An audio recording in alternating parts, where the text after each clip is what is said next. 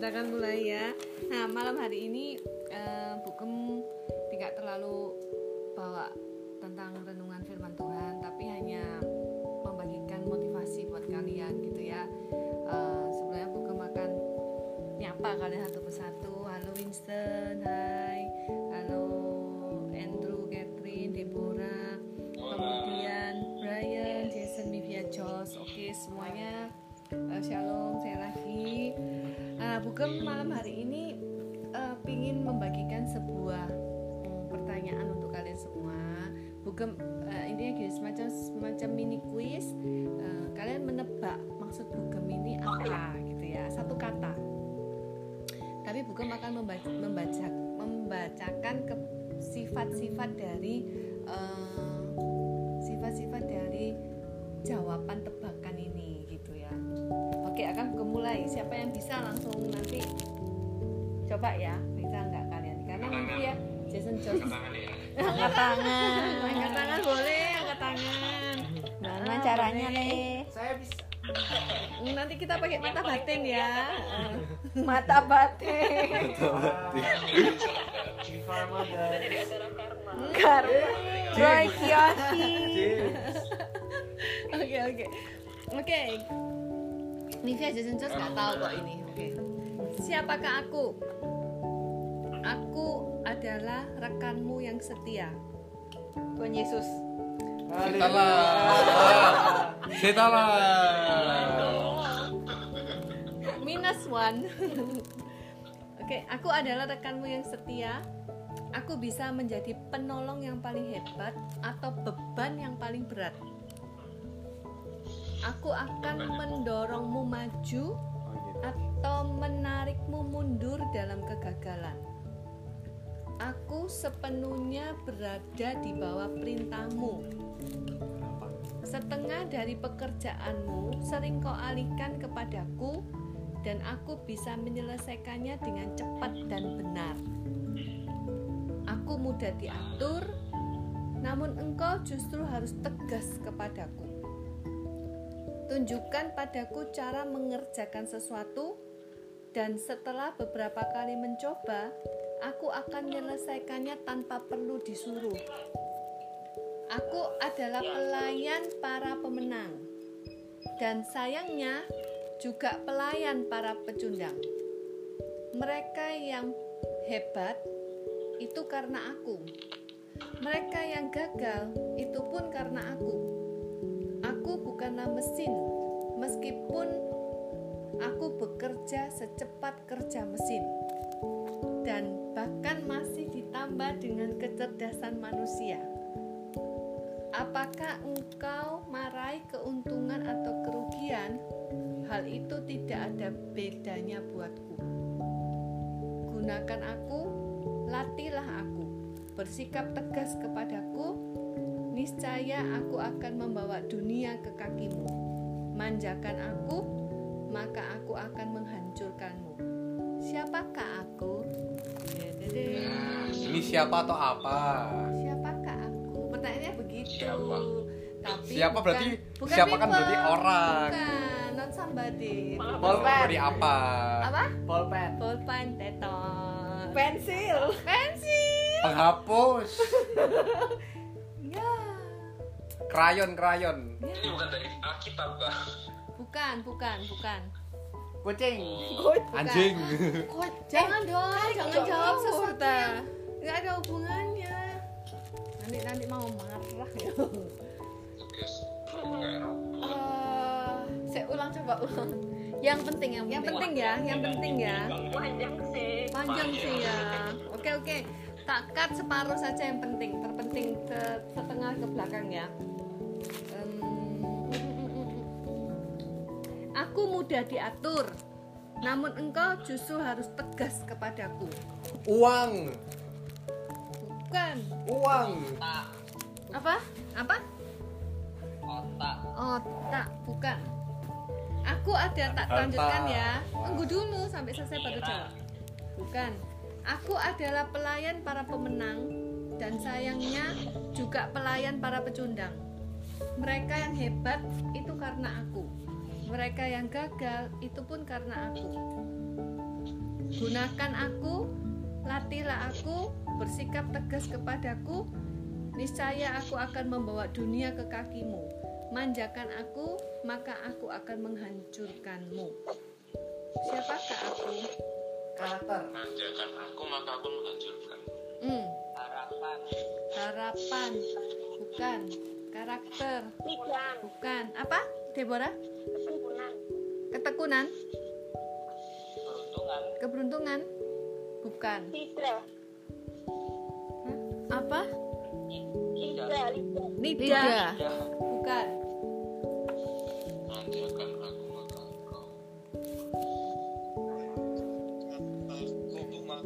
Hmm. Aku akan mendorongmu maju atau menarikmu mundur dalam kegagalan. Keinginan. Bukan. Susah ya. Susah sih. Susah ya. Tapi kata-kata satu satu kata ini setiap manusia mulai dari baby sampai orang tua melakukannya. Hmm, bukan. Perasaan. Perasaan bukan. Karakter. Kalau melakukannya berarti kata kerja. Karakter bukan. Kata kerja itu. Apa? Kata kerja, kata kerja. kerja itu eh, bu- eh, apa? Bukan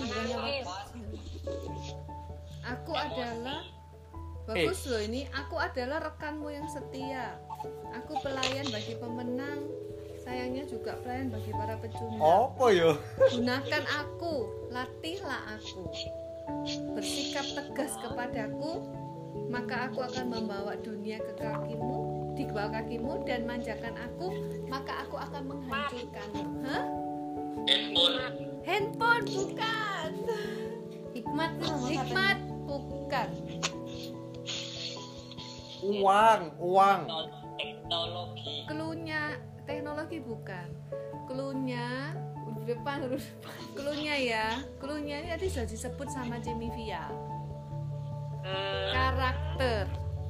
Klunya. Oh, Jason juga ya, karakter. Kampus. Apa itu? Apa? Ego. Ambisi bukan. Ego gak sih? Bukan. Ada hubungannya sama karakter. Lagi sekali ya. Aduh. Lagi sekali ya. Memutar otak guys. Lagi sekali ya. kayaknya kayaknya meskipun nonton Vero ulangi kita nggak ngerti deh Gitu ya. Ada hubungannya sama karakter. Kata depan, kata depan. Jadi dia nantinya akan menjadi sebuah karakter. kebiasaan. Yeay. Yeay.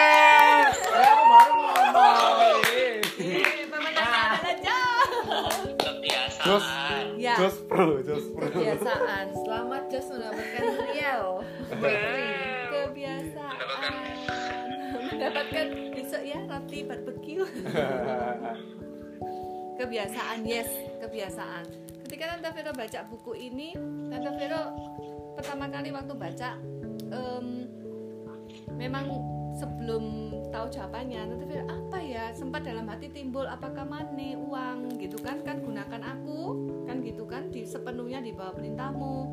Setengah dari pekerjaanmu sering kau alihkan kepadaku dan aku bisa menyelesaikan dengan cepat dan benar. Sometimes kan we think about money gitu. Jadi kadang kalau kita mikirnya tuh kalau kamu punya uang dunia dalam kendalimu. Kalau orang dunia kan bicara seperti itu tapi ternyata ini jauh lebih important jadi sejak baby kebiasaannya tidur digendong maka kalau ditidurkan di ranjang nggak bisa tidur Begitu ya. Hmm, dari sejak TK kalau kebiasaannya makan nggak dikunyah, kumuh, harus ditelan pakai air. Sampai besar makannya juga lambat, nggak bisa cepat. Bener ya? Kebiasaan. Kalau sejak SD juga belajarnya harus mungkin mama. Kalau nggak ditemani mama nggak bisa masuk ke pikiran. Kadang ada orang kalau belajar kebiasaannya dengarkan musik. Kalau nggak dengarkan musik ngeblank semuanya. Bahkan mungkin kalau belajar harus diem suasana tenang. Itu semua dibangun dari kebiasaan. Bahkan ketika mm, seseorang yang penuh dengan amarah mungkin yang kita yang posisi eh, sisi negatif ya mungkin seseorang yang karakternya berubah menjadi pemarah. Kalau ditarik ulur ke belakang pasti kebiasaannya orang yang membiasakan diri untuk meluapkan emosi tidak dididik untuk menahan diri tetapi dibiarkan. Satu kali marah dibiarkan. Dua kali marah dibiarkan. Tiga kali marah dibiarkan. Akhirnya menjadi satu kebiasaan yang susah susah di apa dikontrol gitu. Nah sebab itu eh, malam hari ini kita belajar satu tema yaitu kebiasaan. Ini merupakan salah satu hal yang sangat penting untuk anak-anak muda anak remaja bukan untuk kalian saja tetapi untuk semua semua orang khususnya anak Tuhan. Em, punya karakter punya karakter yang dibangun atas kebiasaan yang baik. Nah, berhubung Bala berharap dengan kalian meng- yang beberapa kalian yang hadir dan mendengar eh, apa ya motivasi singkat malam hari ini, Gembala berharap tanamkan dalam diri kalian mulai malam hari ini bahwa aku mau membangun sebuah kebiasaan yang baik sehingga karakter yang baik pun akan terus ada dalam hidupku dan karakter yang baik itu akan membuat aku seperti yang dikata-kata membawa dunia ke kakimu. Jadi bukan kita seluruh dunia justru dunia itu ada di bawah kaki kita. Banyak orang salah menangkap bahwa ketika menganggap eh, dunia ada di bawah kakiku di bawah genggamanku itu eh, membuat mereka itu hidupnya seturut dengan dunia ini. Tetapi kadang Tuhan izinkan kita lebih men- apa belajar untuk lebih mengerti. Kalau Tuhan katakan dunia adalah genggamanmu kamu jadi kepala berhasil sukses apa ya eh, dunia ada di bawah kakimu itu berarti kita harus bisa menguasai diri kita. Kita nggak nggak boleh sama dengan dunia ini justru kita harus dunia itu harus ada di bawah kaki kita. Intinya eh, jiwa kita pikiran kita roh kita harus lebih baik dan lebih benar dibanding dunia. Itu maksudnya. Itu bisa terjadi kalau kebiasaan yang baik kita bangun sejak dini akan menghasilkan baik itu yang dicari oleh Tuhan di akhir zaman ini generasi-generasi ilahi kalian para remaja penerus eh, penerus-penerus barisan-barisan generasi Tuhan yang luar biasa. Bangunlah kebiasaan yang baik sehingga itu membuat kalian boleh memuliakan Tuhan. Oke? Amin. Oke. Eh, Bu Gembala kasih renungan satu juga dari sebuah buku yang sangat bagus ya. Buku ini sangat bagus Bu. Gembala sangat senang sekali dengan buku ini. Kalau kalian kalian sempatkan diri untuk kalian bisa eh, bisa membeli ataupun kalian bisa mau pinjem punya Bu Gembala ya boleh. Ini cerita sebuah pensil. Buku ini judulnya cerita sebuah pensil dan Bu Gembala sangat terinspirasi. Banyak beberapa ini buku sudah lama banget lama banget mungkin sudah 20 tahun buku ini ada di Gembala lama banget. Iya. Jadi jadi mungkin tapi ini ini Bu Gembala suka banget karena buku ini kata-kata motivasi yang ada sesuai dengan ajaran kekristenan dan juga bisa diterapkan sehari-hari.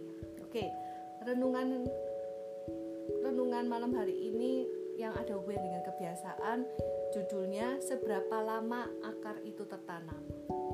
Tak baca Bu Gembala ya pada suatu hari seorang tua yang bijaksana berjalan melalui hutan bersama seorang muda yang terkenal tidak bertanggung jawab dan kepala batu. Orang tua itu menghentikan langkahnya lalu menunjuk sebuah pohon yang masih kecil. Cabutlah pohon itu katanya. Segera pemuda itu membungkuk dan hanya dengan dua jari saja dia dapat mencabut pohon itu dengan mudah. Setelah berjalan lebih jauh lagi, orang tua itu berhenti di sebuah pohon yang agak besar. Coba cabut pohon ini. Sekali lagi, pemuda itu menuruti perintahnya. Namun kali ini dia menggunakan kedua tangannya dan sekuat tenaga mencabut akar pohon itu. Akhirnya, mereka berhenti lagi di sebuah pohon yang sangat besar. Sekarang cabutlah pohon ini, perintah orang tua yang bijaksana itu.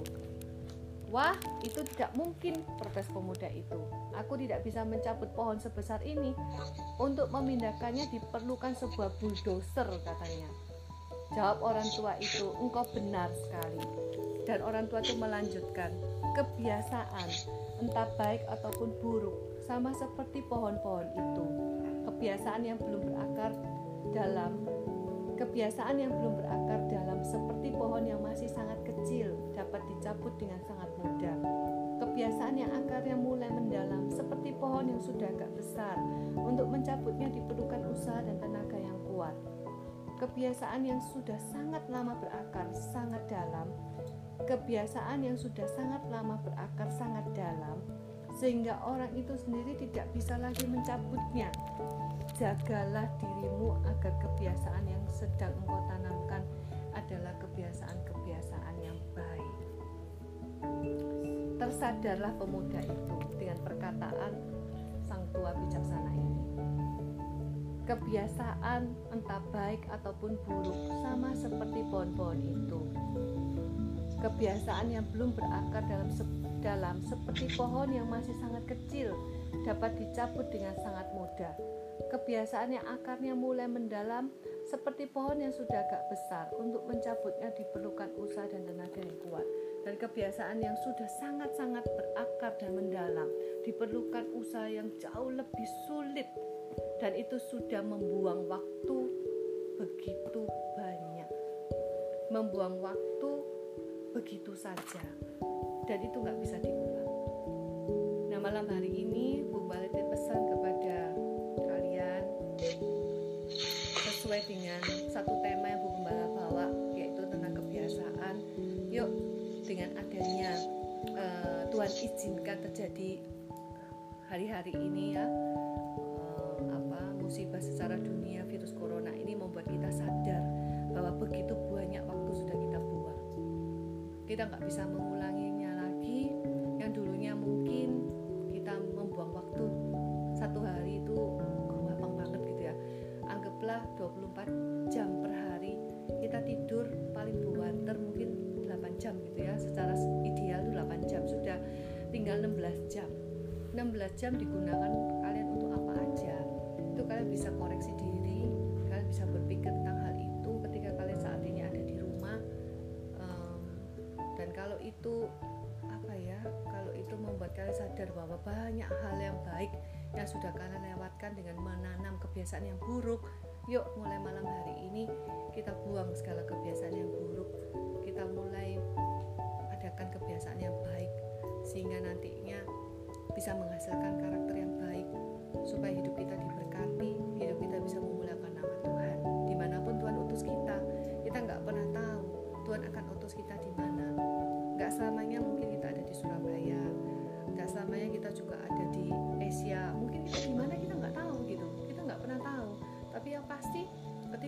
sudah melakukan bagian kita dengan melakukan kebiasaan yang baik yang menghasilkan karakter yang baik yang menyenangkan hati Tuhan maka nantinya itu nggak perlu usaha yang apa ya korban yang banyak untuk kita ketika kita sadar dan mengerti kebenaran kita nggak perlu kayak usaha terlalu keras untuk membuang kebiasaan-kebiasaan buruk dari hidup kita.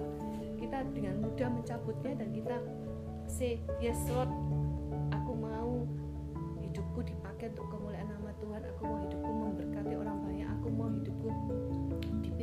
Tuhan dengan kebiasaan-kebiasaan yang baik yang sudah aku bangun selama ini sehingga benar-benar generasi ilahi penerus boleh muncul dan berharap kita semua masuk di dalamnya. Amin. Kita mau supaya malam hari ini benar-benar kebiasaan yang baik kita mulai adakan dalam hidup kita sendiri. Nggak perlu nunggu orang lain berlaku baik dalam hidup kita baru kita juga mau berlaku baik nggak perlu orang lain membangun kebiasaan baik sehingga menguntungkan kita baru kita mau membangun kebiasaan baik. Nggak perlu. Nggak peduli kanan kiri nggak peduli siapa itu. Yang penting Tuhan itu berurusan selalu dengan hidup kita sendiri. Yang bisa memutuskan untuk kita mau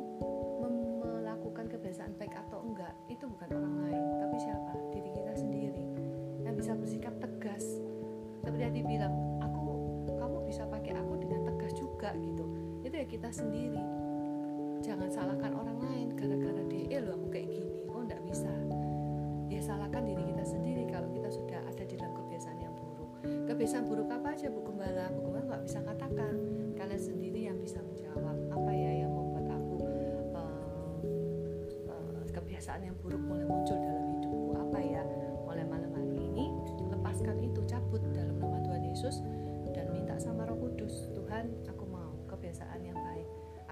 latih hidupku. Selagi masih ada waktu dan kesempatan selagi masih ada eh, hari yang bisa aku lihat hari ini ataupun selagi masih ada ada kesempatan bisa aku lakukan hari ini aku mau membangun kebiasaan yang baik sehingga menghasilkan karakter yang baik dan memuliakan nama Tuhan. Dan ketika Tuhan panggil aku untuk diberkati aku sudah siap. Itu intinya. Karena kita nggak pernah tahu gitu kita akan jadi seperti apa. Tapi ketika hari itu tiba kita dipanggil nama kita dipanggil satu-satu bukan cuma masalah hari kita dipanggil pulang Tuhan ke surga bukan. Ketika kita dipanggil untuk terima berkat yes Lord I'm ready. Bukan sibuk untuk ngurusi kebiasaan buruk mencabut kebiasaan buruk lagi. Enggak sudah wis sudah siap. I'm ready. Itu yang bisa Bu Gembala eh, sampaikan malam hari ini. Dan Bu Gembala berharap menjadi satu peringatan untuk kita semua ya. Tuhan Yesus memberkati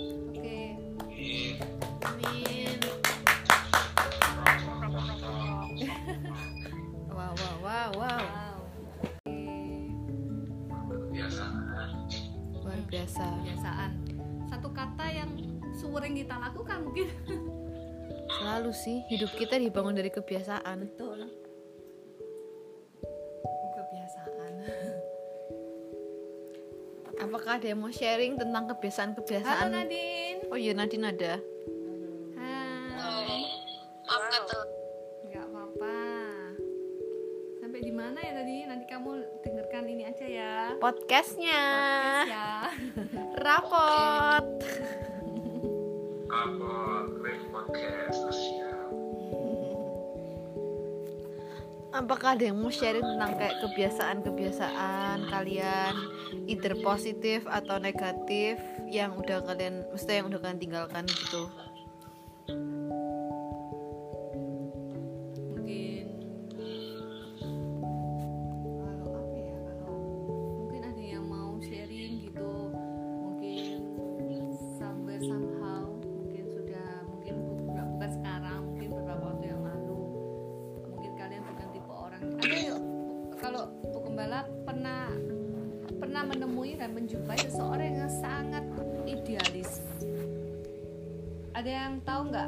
Orang yang idealis itu yang bagaimana semua sesuai dia hmm? semua semua sesuai pikirannya dia Semua sesuai semua harus dia. sesuai pikiran dia sesuai prinsipnya dia. Dia ya kayak prinsip atau mesti kayak rencananya dia ya? A- ada ada ada ada benernya juga Uh, atau ada bener juga ada benernya juga gitu tapi ada juga yang lain yang tipe seseorang yang sangat idealis gitu. Ciri apa ya? dia Apa? punya standar yang tinggi gitu nggak sih? Ya betul, dia punya standar yang tinggi benar. Dia punya standar yang sangat tinggi, entah itu dari pemikirannya dia, betul, ataupun eh, ataupun dari eh, apa keadaan yang membuat dia itu harus bu- mungkin bukan pemikiran dia yang harus standarnya tinggi, tapi keadaan yang membuat dia eh, harus bekerja seperti standar seperti ini yang dibutuhkan orang-orang sekitar seperti itu. Bagaimana pernah menjumpai seseorang seperti itu?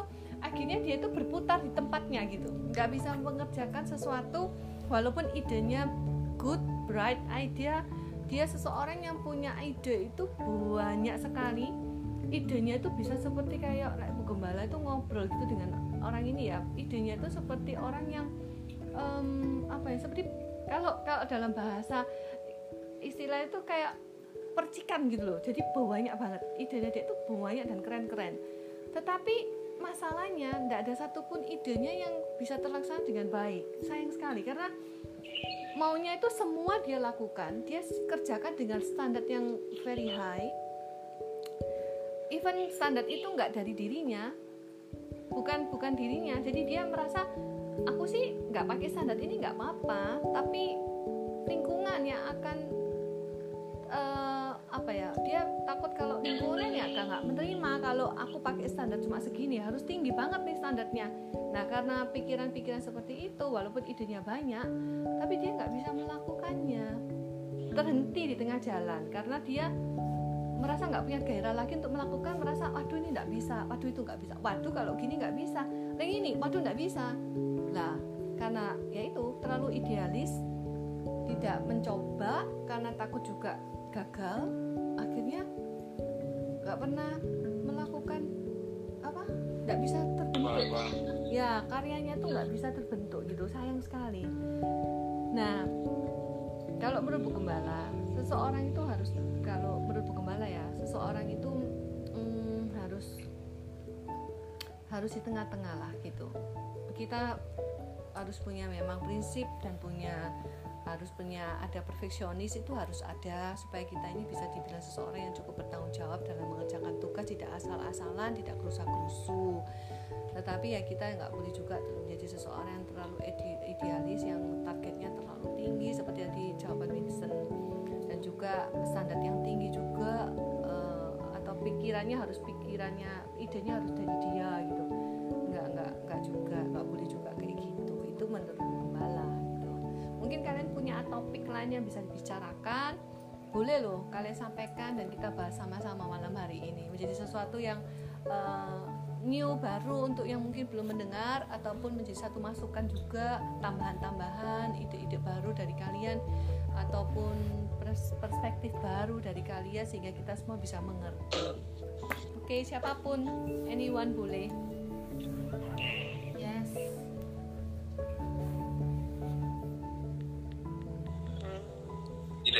Tidak ada sementara. lo ada Lala Hai Lala Halo. Oh ya lala lala lala. hai Lala Halo. halo Lala deh Lala Lala Lala mau sharing Lala Masih belum buku bala. masih belum ya Nadine Nadine sharing nanti atau Nadine mau nyanyi nih Gimana? Ah, tidak, tidak, tidak. tidak tidak. Oke. Tentang kebiasaan ya. tentang kebiasaan boleh. Di luar itu juga nggak masalah di luar itu ya sih. nggak masalah. Tentang kebiasaan gitu ya. Kebiasaan kok kebiasaan kok. Kayak waktu itu apa? Catherine mau tanya buku bala, Mm-mm. Tapi sangat-sangat di luar konteks. oke nggak apa-apa oke Jadi waktu itu tuh sempat baca Alkitab, Hmm. terus kan ada tuh ayatnya yang apa di dalam mengasihi, di dalam kasih tidak ada ketakutan. ya heeh. Terus nggak tahu kenapa kayak waktu baca ayat itu kayak jadinya kayak kayak bertanya-tanya gitu maksudnya itu ya apa? di dalam dalam mengasihi apa dalam mengasihi sesama misalnya mungkin dalam mengasihi Tuhan oke kita nggak nggak ada ketakutan gitu kan maksudnya ya mungkin meskipun kadang kita merasa guilty apa tapi kan Tuhan kan udah layakin apa. Tapi kalau misalnya kayak mikir kalau misalnya kayak dalam mengasihi misalnya kayak sesama atau apa misalnya kayak implikasi ayat, ayat itu tuh maksudnya ya apa? Mm, mm, mm, mm, mm. oke. Amin. siapa ini? Apa ini? kok Calvin ya? Siapa yang datang? Tempat saya. Calvin Gila gila gila gila gila Ini apa aku sih nggak tahu. Yeay. halo Calvin halo Teman-temanku. aduh lama nggak denger suara Calvin Rek. sampai kangen Tante Vero Tante Vero tuh apa?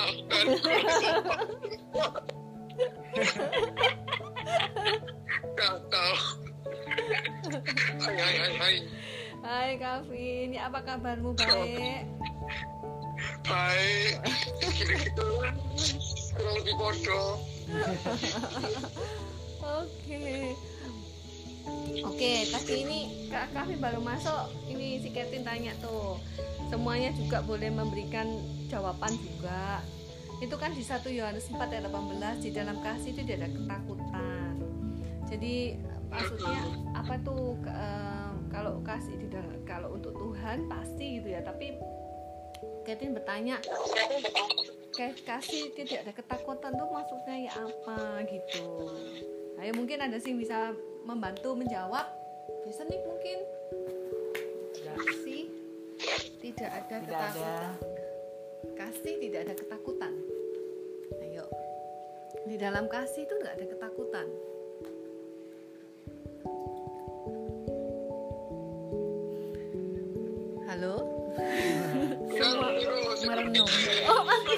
kasih tidak ada ketakutan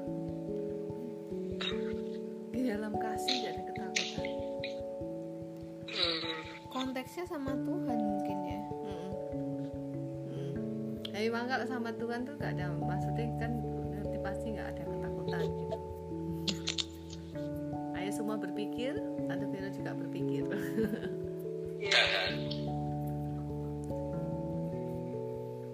Dalam hubungan dengan sesama atau Tuhan, Catherine? Eh, ya dua-duanya sih Oke. semuanya maksudnya kayak ya dalam implikasinya kayak ya apa gitu apa cuma emang ayatnya itu cuma emang nyampein untuk hubungan kita dalam mengasihi sama Tuhan gitu Mm-mm-mm. soalnya kalau nggak kalau Katin nggak salah inget satu perikop itu kayak tentang juga nggak cuma nggak cuma mau mengasihi Tuhan tok gitu loh Mm-mm-mm-mm. Jadi juga untuk ambil sing lain kan ya. iya 1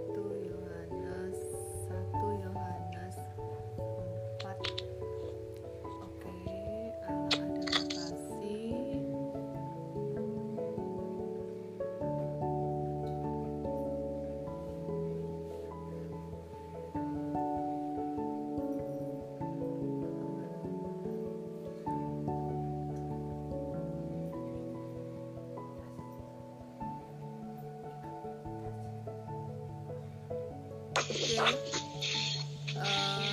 di dalam kasih tidak ada ketakutan. Kasih yang sempurna melenyapkan ketakutan, sebab ketakutan mengandung hukuman dan barang siapa takut ia tidak sempurna di dalam kasih. Dalam hal inilah kasih Allah sempurna dalam kita yaitu kalau kita mempunyai keberanian percaya pada hari penghakiman. Karena sama seperti dia kita juga ada di dalam dunia ini. Di dalam kasih tidak ada ketakutan. Kasih yang sempurna melenyapkan ketakutan. Sebab ketakutan mengandung tuh dibatasi oleh roh ketakutan gitu ya. Maksudnya eh, kasih yang sempurna itu melenyapkan ketakutan. Karena begini, kita harus ngerti dulu definisi dari kasih. Kasih itu adalah salah satu buah Roh Kudus. Kalau definisi kasih yang pertama, be- de- kasih itu adalah buah Roh Kudus yang pertama. Definisi kasih itu pun artinya kita itu merasa tidak ada masalah antara kita orang percaya dengan Tuhan. Kasih. Jadi sehingga membuat kayak orang bilang itu kasih itu seseorang yang em, kasih kan Tuhan kan bilang kasih agape, kasihnya Tuhan. Itu kasih yang membuat kita bisa deket sama Tuhan karena kita nggak ada masalah. Coba gini, bayangkan kalau kita itu mengasihi seseorang, tetapi kita ada masalah sama orang itu. Mau dekat, kita ada perasaan takut. Nah, di dalam sa- hubungan kita sama Tuhan, bahwa roh adalah kasih yang pertama bahwa tidak ada hubungan tidak ada masalah tidak ada masalah antara orang benar dengan Tuhan. Sehingga membuat kita ini setiap saat bisa berkata ya Bapa ya Aba jadi kita bisa hubungan dekat sekali dengan Tuhan gitu. Itu sih menurut Bu Gembala eh, hubungan kasih kita dengan Tuhan menyelenyapkan ketakutan. Karena memang kita yakin gak ada masalah kita ambil Tuhan. Karena jurang pemisah itu telah didamaikan dengan adanya salib kematian Tuhan Yesus di atas kayu salib itu.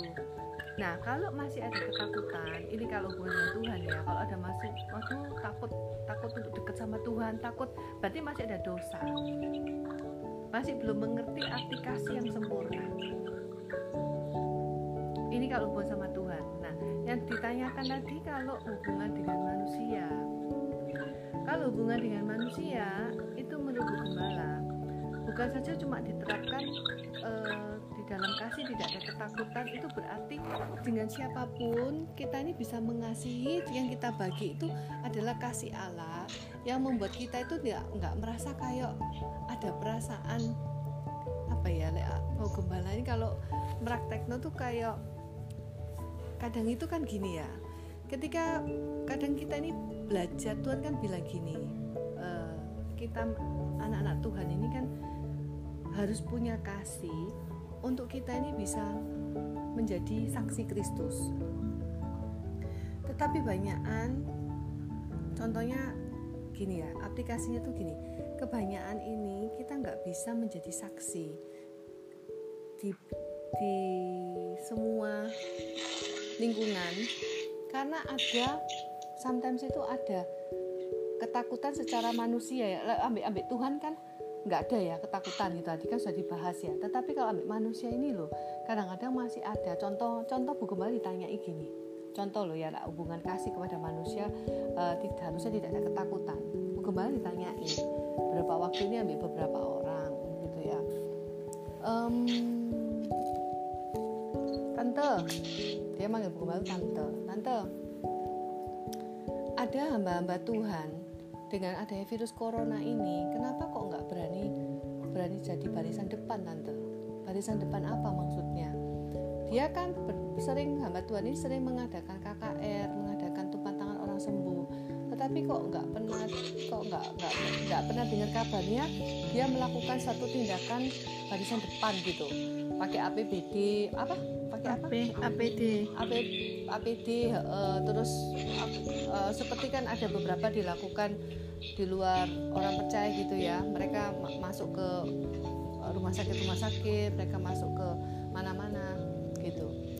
Nah tante pribadi tidak bisa menjawab gitu.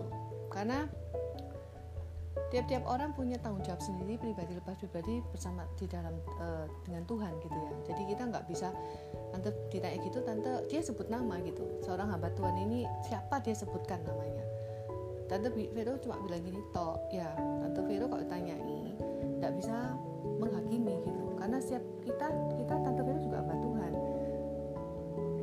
Jadi nggak bisa ngejudge ini kok gini ini kok gitu itu punya tanggung jawab pribadi lepas pribadi kalau dihubungkan dengan apakah dengan begitu kas di dalam dia nggak punya kasih. Apakah dia nggak punya kasih yang seperti Tuhan katakan? Karena kan di dalam kasih nggak ada ketakutan. Karena memang mau nggak mau kalau menghadapi virus seperti ini kan benar-benar kan semua orang pada takut gitu kan. Itu pun Tante Vero nggak bisa menjawab. Karena sulit untuk dideskripsikan apakah orang itu nggak punya kasih? Kalau dibilang nggak punya kasih nggak enggak kalau dibilang punya kasih ya orang itu yang bisa menjawab gitu. Jadi memang yang tadi pertanyaannya Catherine kita semua itu eh, kalau hubungan dengan Tuhan Tante Fir sudah jelaskan. Karena eh, nggak pasti nggak ada ketakutan kalau kita percaya bahwa tidak ada masalah antara kita dengan Tuhan gitu ya. Maka kita setiap saat setiap waktu kita bisa menyebut ya Bapa ya Abba. Kita deket sama Tuhan walaupun kita berdosa tapi kita masih aduh Tuhan aku butuh engkau Tuhan. Oh Tuhan ampuni aku Tuhan. Aku butuh engkau Tuhan gitu. Itu itu itu selalu ada dalam kehidupan kita. Tetapi kalau hubungan dengan manusia sometimes itu memang sekali lagi hati kita ini dipengaruhi dengan keadaan. Hati kita pikiran kita ini dipengaruhi dengan situasi keadaan dan lingkungan. Sebab itu firman Tuhan berkata kan ada satu firman Tuhan berkata roh kita itu penurut tetapi daging lemah nah ini juga bisa dimasukkan mau tidak mau kasih kena gitu. Apa berarti kalau misalnya kita tidak jadi barisan depan berarti kita tidak punya kasih gitu? Tidak juga. Beberapa hamba Tuhan di Jakarta eh, pada waktu masalah ini yang Gembala ambil topiknya corona ini ya tentang kasih ini. Itu hubungan dengan manusia ya sesama ya. Hamba Tuhan di Jakarta yang kita tahu semua tergabung ada juga GBI bahkan bukan GBI saja ada beberapa eh, apa ya sinode. sinode yang lain itu terkena bahkan meninggal. Beberapa gembala sidangnya Pak Gembala kenal gitu yang meninggal ini. Itu mereka sungguh sangat mengasihi bangsa Indonesia. Mereka sungguh sangat mengasihi masyarakat Indonesia masyarakat Jakarta jadi ketika ada peristiwa yang dua ibu di Depok yang terkena virus corona itu itu belum ada waktu itu belum ada perintah dari presiden untuk tidak boleh mengadakan ibadah. Belum tapi beberapa orang sudah terkena tapi belum ter- terbuka secara umum gitu ya. Ini ini yang di Jakarta yang yang menyaksikan. Nah mereka mengadakan doa syafaat mereka mengumpulkan beberapa ribu orang agenda untuk berdoa syafaat. Itu beberapa kali gitu diadakan. Waktu itu belum sekeras yang gereja kita pun terkena imbasnya tanggal 22 Maret kita tidak bisa mengadakan ibadah sampai sekarang. Itu sebelum itu. Jadi sekitar mungkin Februari atau akhir atau Maret awal mereka mengadakan beberapa kali pertemuan untuk mereka atas namanya tuh kasih gitu. Maksudnya mereka bilang kita harus berani, kita punya iman bahwa eh, dengan doa kita percaya dan yakin virus-virus corona dihancurkan gitu. Loh, maksudnya baik sekali gitu. Maksudnya tuh baik sekali. Dan ini dipimpin oleh seorang hamba Tuhan cukup cukup besar gitu ya di Jakarta. Dan mereka semua sepakat gitu ikut berdoa berapa ribu orang gitu. Dan akhirnya beberapa orang yang ikut berdoa syafaat, doa urapan yang disampaikan waktu itu terkena terkena virus corona dan akhirnya ada beberapa yang meninggal. Nah, kalau sampai begitu, kalau Bu Gembala tanyai apakah itu gimana Bu Gembala? Only God knows gitu. Hanya Tuhan yang tahu. Tetap Bu Gembala berkata kita nggak bisa tahu gitu. Niat mereka baik, maksud mereka baik, kasih mereka untuk bangsa kita, masyarakat Jakarta khususnya supaya tidak menyebar virus ini ke pulau-pulau yang lain. Cukup di Jakarta saja selesai gitu.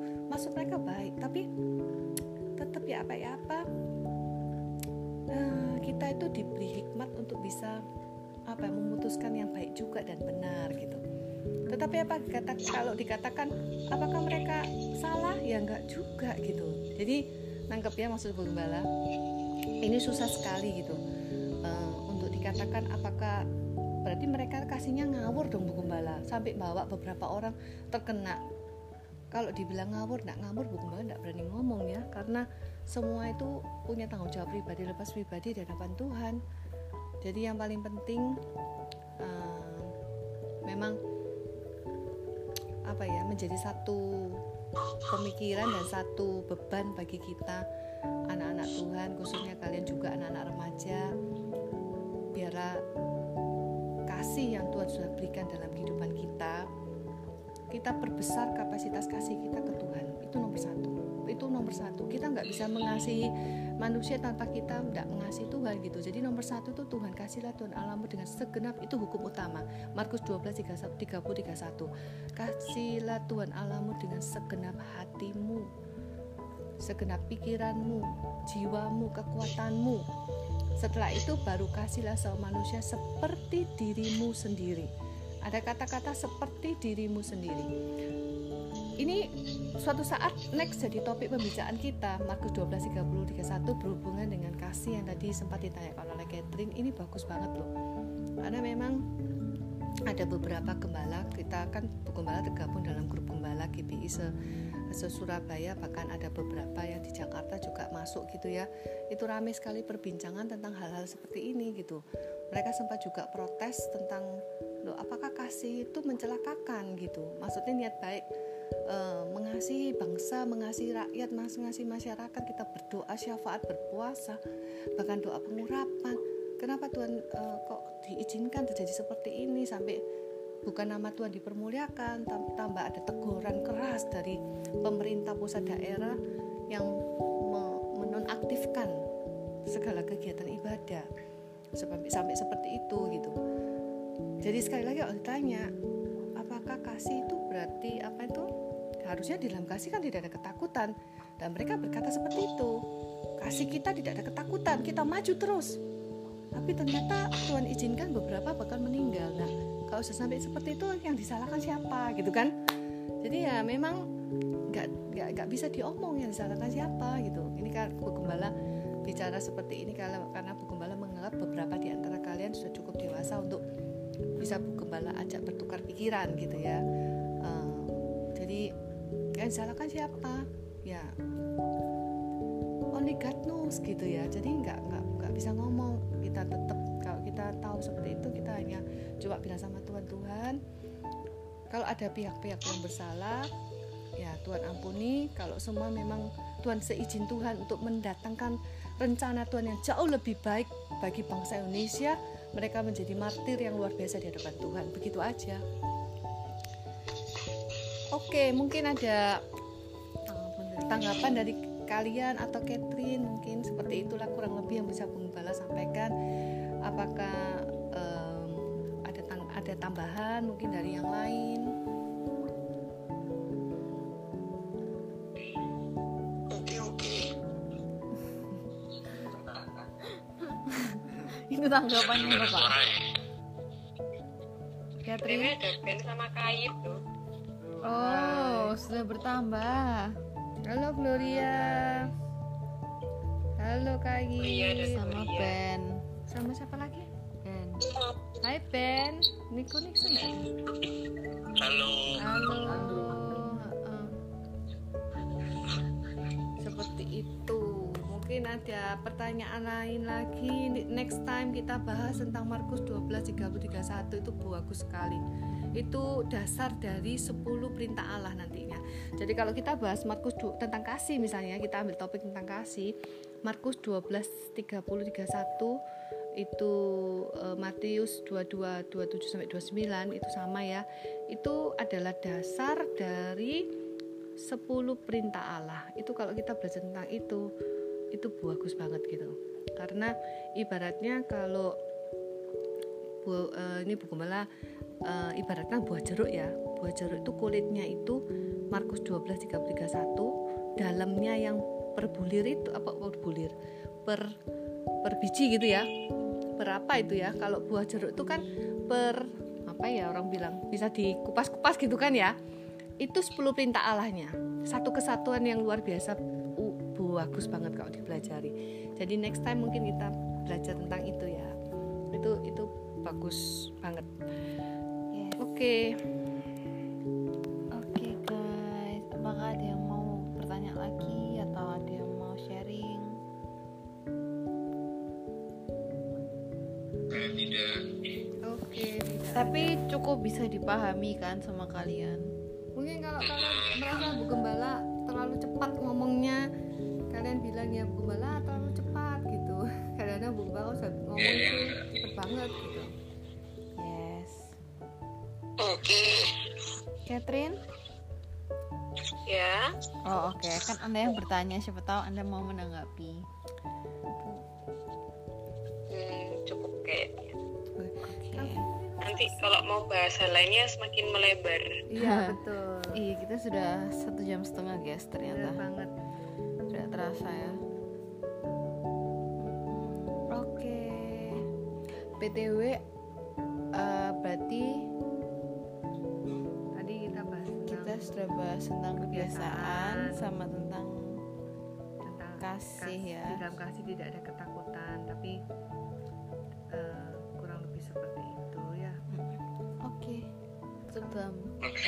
Calvin mungkin mau saksi lama nggak dengar suara Calvin Nah, aku Calvin toh ada Ayo, kembali loh, ayo. sharing Calvin lama kamu nggak ketemu nih nggak denger nih ayo sharing Calvin gimana ke- kuliahnya gimana online masih lanjut Iya, benar. Isra sampai Jumat, Vero. oh iya dah cik, cik terus ya online nih ya Hmm. Bukannya semesternya wis selesai kok semester 2 Beda lagi. Ya baru mulai ini lagi minggu ini. dua ya hmm, kan nih susah apalagi sekarang persis ya Vin kamu masuk kuliah nggak salah Januari ya Vin ya Iya, Januari Vero. Mm-mm, Januari iya makanya itu kode ambil kuliah online Vin Ya untuk Vero cuma apa di depannya apa video gitu mbak sing lain-lain. Sampai teler rasanya. iya iya iya iya ya semangat ya bisa selesai bisa Ini apa tuh Vero? Saya keluar keluar dah. Teman-teman ini apa ini? Saya keluar keluar kah? Atau di rumah saja lah? Iya yang luyur tak ini? Tidak ada. ya ini Calvin setia ini Keren cuma badminton. Badminton. Ayo. Resto. Badminton. Comeback, comeback. Ya udah kok gitu kita tutup dalam doa ya. Oke. Ini mereka baru gabung nggak apa-apa ya lain kali eh, eh, mungkin next ta- eh, Next next time. week next week next week kita jam 7 mulai ya. Gabungnya lebih cepat guys. Hmm, Oke. biar gak ketinggalan tuh. Ya, kasihan juga yang baru gabung terus kita sudah selesai gitu. Sayang belum dengar suaranya, belum dengar sharingnya juga kalian gitu. Next week kita tetapkan Kamis jam 7 ya. Mm-mm, Kamis jam 7 kita ketemu kembali. Oke, semuanya. Untuk Winston tetap kuat ya Winston, semangat ya Winston. Kamu nggak sendiri. Ini Winston belum sharing loh. Iya. Winston mau sharing Winston Winston. sharing. Sharing yuk Winston yuk. Sharing. Kemarin katanya mau cerita. Mm-mm. Cerita mau Ya aku cerita. nangis lagi. Ya udah ya udah oke. Vincent tetap kuat semangat semuanya kita mendukungmu dalam doa senantiasa ya. Dan berharap semua bisa berjalan dengan baik. Besok juga Pak Gembala melayani di tempatnya Papa dikebumikan ya, di semai eh dikebumi disemayamkan. Saya tetap saling mendukung di dalam doa untuk Winston teman-teman dan keluarga yang Tuhan sudah panggil Mungkin papanya. ada yang belum tahu Winston kenapa. Iya, mungkin bisa di anu di buku kemarin beritahu is okay. Mungkin ada yang tahu, oh tuh belum tahu ya, papanya Vincent sudah Tuhan panggil pulang ke surga kemarin. Semua sudah tahu pasti ya, Iya. nggak tahu ya. Eh, jadi kita sehati kita berdoa khususnya untuk eh, Winston, Mama Winston dan kak, eh, Cici Winston, semua keluarga yang ditinggalkan diberi kekuatan, kesabaran, ketabahan, dan beserta sukacita Tuhan melimpah, eh, menggantikan apa ya kasih Tuhan menggantikan rasa kehilangan Winston eh, terhadap apa yang dikasih ya. Oke, Tuhan Yesus memberkati. Kita akan satu di dalam doa. Bersyukur kepadamu Tuhan, kami sungguh percaya bahwa hari ini ada karena Tuhan sehingga membuat kami bisa kembali bertemu dengan anak-anak remajamu. Nah, yang tidak bisa kami sebut satu persatu tetapi kami yakin engkau tahu dan kesungguhan hati mereka juga engkau perhitungkan sebagai satu kebenaran iman yang membuat hidup mereka semakin diberkati oleh Tuhan. Kami sudah membahas tentang kebiasaan sebab itu biarlah kebiasaan yang baik mulai kami tanamkan malam hari ini sehingga menghasilkan karakter yang baik dengan karakter yang baik kami boleh memuliakan nama Tuhan Yesus. Dan kami boleh menjadi generasi ilahi generasi penerus yang memuliakan namamu. Karena kasihmu sudah ada dalam kehidupan kami. Dan kami percaya dengan kasih Tuhan dalam kehidupan kami. Kami boleh memberkati teman-teman kami lingkungan di mana pun kami berada dengan kasih yang ada dalam hati kami. Yang Tuhan sudah tanamkan Tuhan sudah tempatkan kami di mana pun kami berada kami boleh memuliakan nama Tuhan terima kasih Bapak berkati juga malam hari ini khusus kami berdoa untuk Winston saudara seiman kami teman kami yang Tuhan sudah panggil pulang Papa Vincent terlebih dahulu di mana Vincent juga saat ini berada di Singapura. Kami percaya Tuhan Tuhan kami yakin Vincent tidak sendiri.